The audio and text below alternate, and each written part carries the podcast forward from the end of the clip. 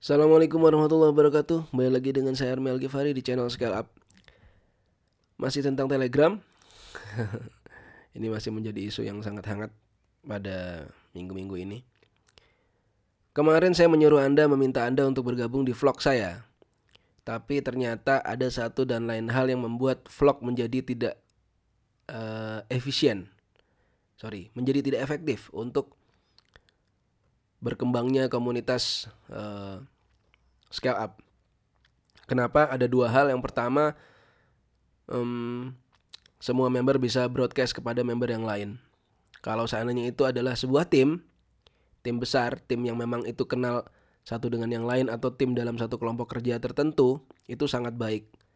Karena berkomunikasi jadi lebih simpel. Tinggal Anda kirimkan email ke satu email yang menjadi email bersama di sana dan email itu akan masuk kepada uh, inbox Anda.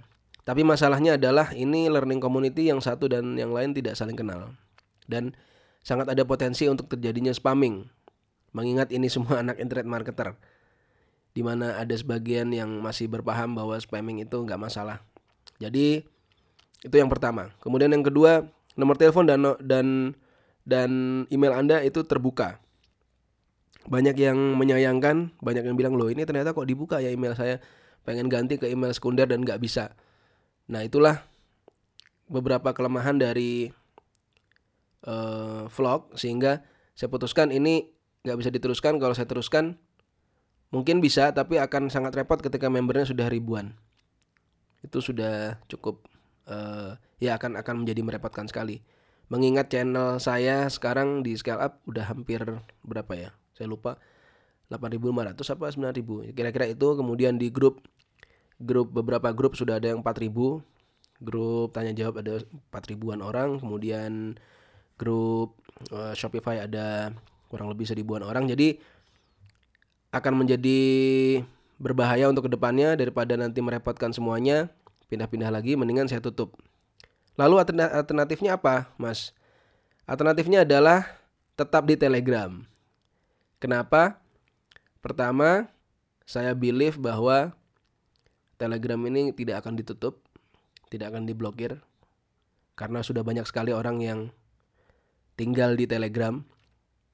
Dari sejak eh, tiga tahun atau empat tahun yang lalu saya menggunakan Telegram, masih satu dua orang yang pakai. Sekarang udah, wih, udah hampir semua anak IM pun pakai Telegram dan bahkan non IM pun non internet marketer saya lihat di di Jogja di mana saya ketemu saya saya saya waktu di lift tuh saya lihat ada orang yang buka HP nggak sengaja bunyinya Telegram.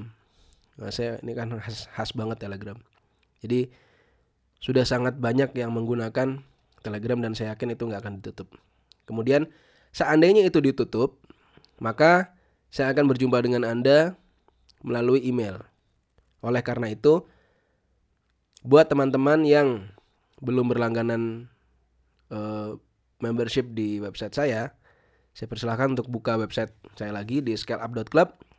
Di sebelah kanan ada banner warna kuning, Anda klik aja itu. Insya Allah eh, kalau Anda sudah mendaftar akan mendapatkan email-email dari saya setiap ada update-update yang ingin saya bagikan kepada teman-teman. Jadi kita masih bisa tetap berkomunikasi. Termasuk jika nantinya ada channel baru, jika ada eh, tempat baru, wadah baru untuk kita bisa beraktivitas. Dan saya sampai detik ini masih tetap terus mencari. Ada nggak sih cara lain yang yang lebih baik dari Telegram atau komunitas apa ekosistem yang lebih sederhana atau lebih aman nggak ada drama-drama seperti sekarang? Mudah-mudahan ketemu tapi sampai detik ini saya belum ketemu. Jadi dan saya paling sebel nyuruh-nyuruh anda install aplikasi karena saya pun sebel disuruh-suruh install aplikasi nggak enak. Nambah-nambahin memori aja di apa ngabis-ngabisin memori di handphone. Uh, oleh sebab itu saya putuskan uh, dua hal tadi. Oke lanjut ke materi intinya pada siang hari ini yaitu saya ingin uh, sedikit berbagi mengenai sebuah teknik belajar. Teknik belajar ini dikembangkan oleh sebuah nobelis fisika, jadi pemenang Nobel fisika yang sangat terkenal uh, beliau mengembangkan satu teknik yang dikenal dengan nama Feynman Teknik atau Feynman Method. Ini adalah sebuah konsep belajar yang cukup cukup teruji, cukup rigid, cukup robust yang berhasil um, digunakan untuk belajar dan mempelajari hal-hal lebih baik. Um, uh, ini adalah cara yang lebih baik untuk belajar dan beberapa orang mengatakan ini adalah yang terbaik untuk mempelajari sesuatu hal. Nah, penemunya adalah seperti namanya Richard Feynman tadi, Nobelis Fisika. Um, apalagi ya? Hmm, Oke, okay. langsung aja ke langkah-langkah gimana caranya mempelajari dengan metode Feynman Technique. Kalau teman-teman pernah lihat di YouTube saya, YouTube saya yang khususnya tentang tutorial atau tentang mengajarkan sesuatu, teman-teman akan melihat sesuatu yang berbeda dibandingkan teman-teman lihat YouTube mana pun. Cara saya menjelaskan adalah kalau teman-teman follow selalu pakai layar hitam dan kemudian ada penjelasan-penjelasan di sana. Bahkan ketika saya sudah nggak pakai Wacom, saya pakai iPad, iPad pun saya buat saya setting seperti itu. Itu bukan tanpa tujuan. Tujuannya adalah untuk salah satunya mengadopsi teknik dari Feynman method ini supaya Anda menjadi lebih cepat untuk paham sesuatu yang diajarkan. Nah, step-stepnya seperti ini. Yang pertama, yang pertama, eh, pelajarilah seperti halnya Anda sedang menerangkan kepada anak kecil. Jadi, ambil sebuah kertas, lembar kertas, ambil selembar kertas, kemudian ambil pulpen, dan kemudian anda terangkan di dalam kertas tersebut pengetahuan yang ingin Anda pelajari atau sudah Anda pelajari. Misalkan Anda sudah belajar tentang pixel Facebook. Oke, Anda sudah belajar, Anda merasa paham. Nah, sekarang ambil selembar kertas. Kemudian terangkan terangkan lagi uh, metode tersebut. Terangkan lagi pixel Facebook tersebut kepada eh, tuangkan dalam selembar kertas dan seolah-olah Anda sedang menerangkan kepada anak kecil, bukan kepada orang besar. Nah, Anda catat better ya Anda rekam. Anda bisa biar Anda bisa masuk nanti di step yang kedua lebih mudah.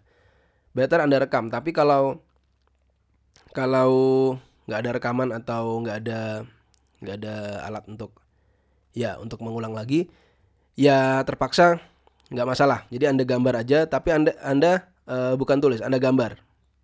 Ada gambar sambil Anda terangkan. Nah, jika Anda tidak mampu menulis dan tidak mampu menggambarkan itu, dan Anda kesulitan memilih kosakata yang tepat, Anda kesulitan memilih perumpamaan-perumpamaan yang sederhana, artinya menurut Feynman Teknik, artinya Anda belum paham. Karena kenal nama sesuatu, misalkan tahu definisi aja, apakah pixel Facebook itu tahu, itu berbeda dengan Anda paham. Paham itu lebih dalam lagi dari situ dan ditunjukkan dengan yang pertama Anda bisa menerangkan seperti halnya Anda terangkan kepada anak kecil umur 8 tahun. Itu, itu yang pertama. Setelah Anda berhasil menerangkan, misalnya Anda sudah selesai nih menerangkan, kayaknya kayaknya benar Anda selesai Anda terangkan. Uh, kemudian yang kedua, masuk step yang kedua. Step yang kedua yaitu Anda mereview. Review. Review itu gini, Anda cocokkan yang sudah Anda terangkan tersebut dengan source material yang uh, menjadi rujukan belajar menjadi uh, source belajarnya. Misalkan ya di Facebook, Facebook Help atau di mana. Anda cocokkan, benar nggak sih definisi-definisi yang saya pakai?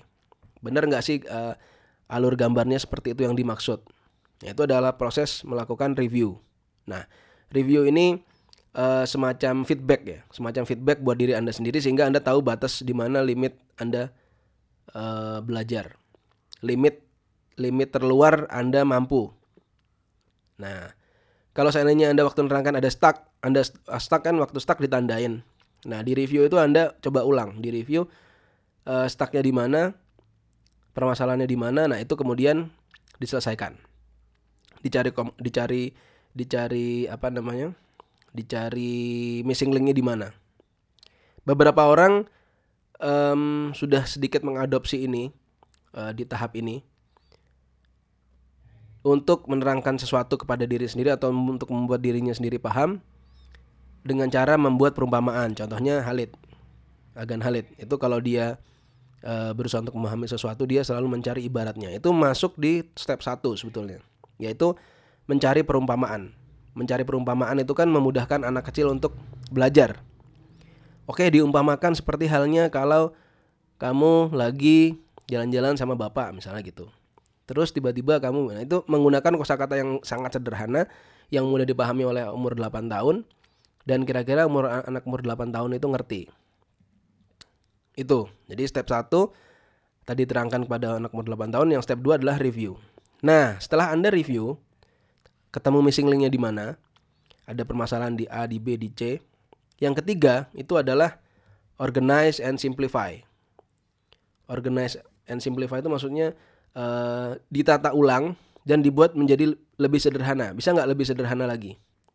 Ya, kalau misalkan itu grafik-grafik, dibuat lebih sederhana lagi. Diorganize lagi, diatur, ditata urutan-urutannya. Apa sih poin-poin pentingnya? Misalkan Anda lagi belajar uh, funnel, misalkan. Atau Anda lagi belajar misalnya flow. Flow audience dari dari yang tadinya apa namanya nggak ngerti tentang produk Anda sampai dia beli. Nah, Anda sedang mempelajari itu. Pakai teknik ini. Itu bisa. Nah, bagian step 3 itu diorganize dan disimplifikasi, disederhanakan. Ditata ulang mana yang kebalik-balik, mana yang bisa disederhanakan, mana yang bisa dijadikan satu. Nah, itu itu bagian bagian dari apa istilahnya mengkoneksikan bagian-bagian terpisah di kepala. Yang tadinya oh ini terpisah terpisah akhirnya disatu-satukan. Sepertinya kayaknya kayaknya sulit ya, tapi eh, sebetulnya itu menjadi lebih menjadi lebih paham. Nah, di organize itu ketika Anda sudah susun atur, Anda coba ulang lagi terangkan kepada diri sendiri. Diterangkan, diulang lagi step satu tadi, tapi sudah dengan materi yang sudah di, lebih diorganize. Disusun menjadi lebih terorganisir dan menjadi lebih sederhana. Nah, sebetulnya di tiga di tiga tahap ini, tiga tahap uh, Feynman teknik ini tadi, itu sebetulnya sudah selesai. Tapi, ya, tapi ada tahap keempat. Yang ini sebetulnya menurut saya ini yang paling urgent, yaitu ketika Anda sudah paham, benar-benar sudah ngerasa paham dan Anda adjust ya, waktu review, waktu uh, apa namanya? waktu pada tahap review Anda bisa Anda bisa uh, apa namanya? kalibra kalibrasi itu apa? Anda bisa cocokkan Anda bisa cocokkan dengan orang lain sebelum Anda melakukan organize. Benar nggak sih pemahaman saya seperti ini? Dicocokkan atau ditanyakan begitu tanyakan oke okay, itu udah benar oke okay, disusun lagi sehingga anda menjadi punya apa keterangan yang lebih ter, terorganisir dan lebih uh, sederhana begitu itu sudah selesai semua tahap yang keempat adalah yang paling the bestnya yaitu transmit. Transmit itu dia menyampaikan kepada orang lain. Jadi kalau anda sudah pada tahap untuk menyampaikan ilmu tersebut kepada orang lain ya dan anggaplah kira-kira orang tersebut umurnya 8 tahun anda uh, akan membuat ilmu pengetahuan yang ada dalam kepala Anda menjadi lebih sticky, menjadi lebih uh, menempel. Dan ketika audiens Anda itu paham, berarti uh, proses belajar Anda sudah work. Tapi kalau dia belum paham, masih ada missing link. Nah, itulah ditransmit kepada orang lain. Seperti saya misalkan dulu di awal-awal saya sering dibilang, oh Army kalau ngejelasin ribet-ribet, saya mikir sendiri, oh mungkin saya kurang sederhana, ada bagian saya yang belum paham. Dari situ saya coba ulangi lagi, ulangi lagi, saya mencari apa penyederhanaan, penyederhanaan, penyederhanaan sehingga kalau ditanya lagi tentang internet marketing, khususnya Facebook Ads hari ini sama anda tanya enam bulan atau satu tahun yang lalu, mungkin jawaban saya ter terdengar berbeda dan mungkin kok dulu Mas Army kayaknya terlalu teknik atau teknikal banget uh, angka-angka dan segala macam. Tapi sekarang kok kayaknya malah jarang banget ngomongin masalah teknik dan trik dan lainnya.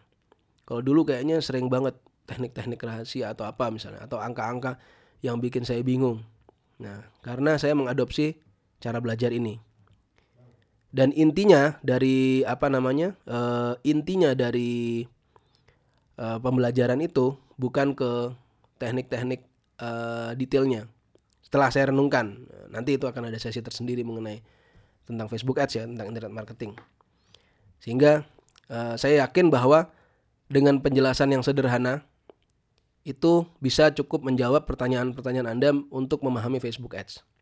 Itu istilahnya nama mental modelnya Occam Razor. Jadi ada penjelasan sederhananya. Itu bisa cukup menjelaskan untuk menjelaskan banyak hal. Nggak perlu dijelaskan dengan hal yang kompleks dan rumit dan uh, mendetail tapi um, sederhana itu sudah cukup Itu, tapi itu nanti. Itu akan ada bab bab tersendiri untuk membahas tentang internet marketing dan dan Facebook Ads. Oke, tadi tahap-tahapnya saya ulangi. Yang pertama adalah ajarkan kepada anak kecil umur 8 tahun. Yang kedua, review. Yang ketiga, organisir dan eh, simplifikasi. Buatlah menjadi lebih sederhana dan terorganisir. Yang keempat, ajarkanlah kepada orang lain. Nah, begitu empat itu sudah Anda lakukan, proses belajar Anda akan the best dibandingkan dengan orang lain dan Anda akan memiliki pemahaman yang lebih dalam daripada orang lain dan bisa jadi uh, Anda lebih menguasai topik tersebut dan mungkin satu hari nanti akan Anda akan menjadi authority di topik tersebut. Karena jarang sekali orang belajar dengan teknik seperti ini. Teknik ini juga digunakan oleh Elon Musk. Pernah dalam satu wawancara di TED TEDx uh, saya sempat dengar entah entah sorry saya lupa ya benar benar benar. Dia pernah menjelaskan nanti saya carikan YouTube-nya. Dia pernah menjelaskan tentang tentang Elon Musk. Kalau saya sempat nanti saya taruh di deskripsi di podcast ini. Oke itu saja mungkin penjelasan uh, sebuah teknik belajar dari saya. Sebuah teknik belajar yang dikembangkan oleh uh, Richard Feynman mudah-mudahan ini bermanfaat untuk anda dan bisa digunakan ke depannya untuk mempelajari banyak hal di dunia ini yang harus kita pelajari. Terima kasih. Assalamualaikum warahmatullahi wabarakatuh.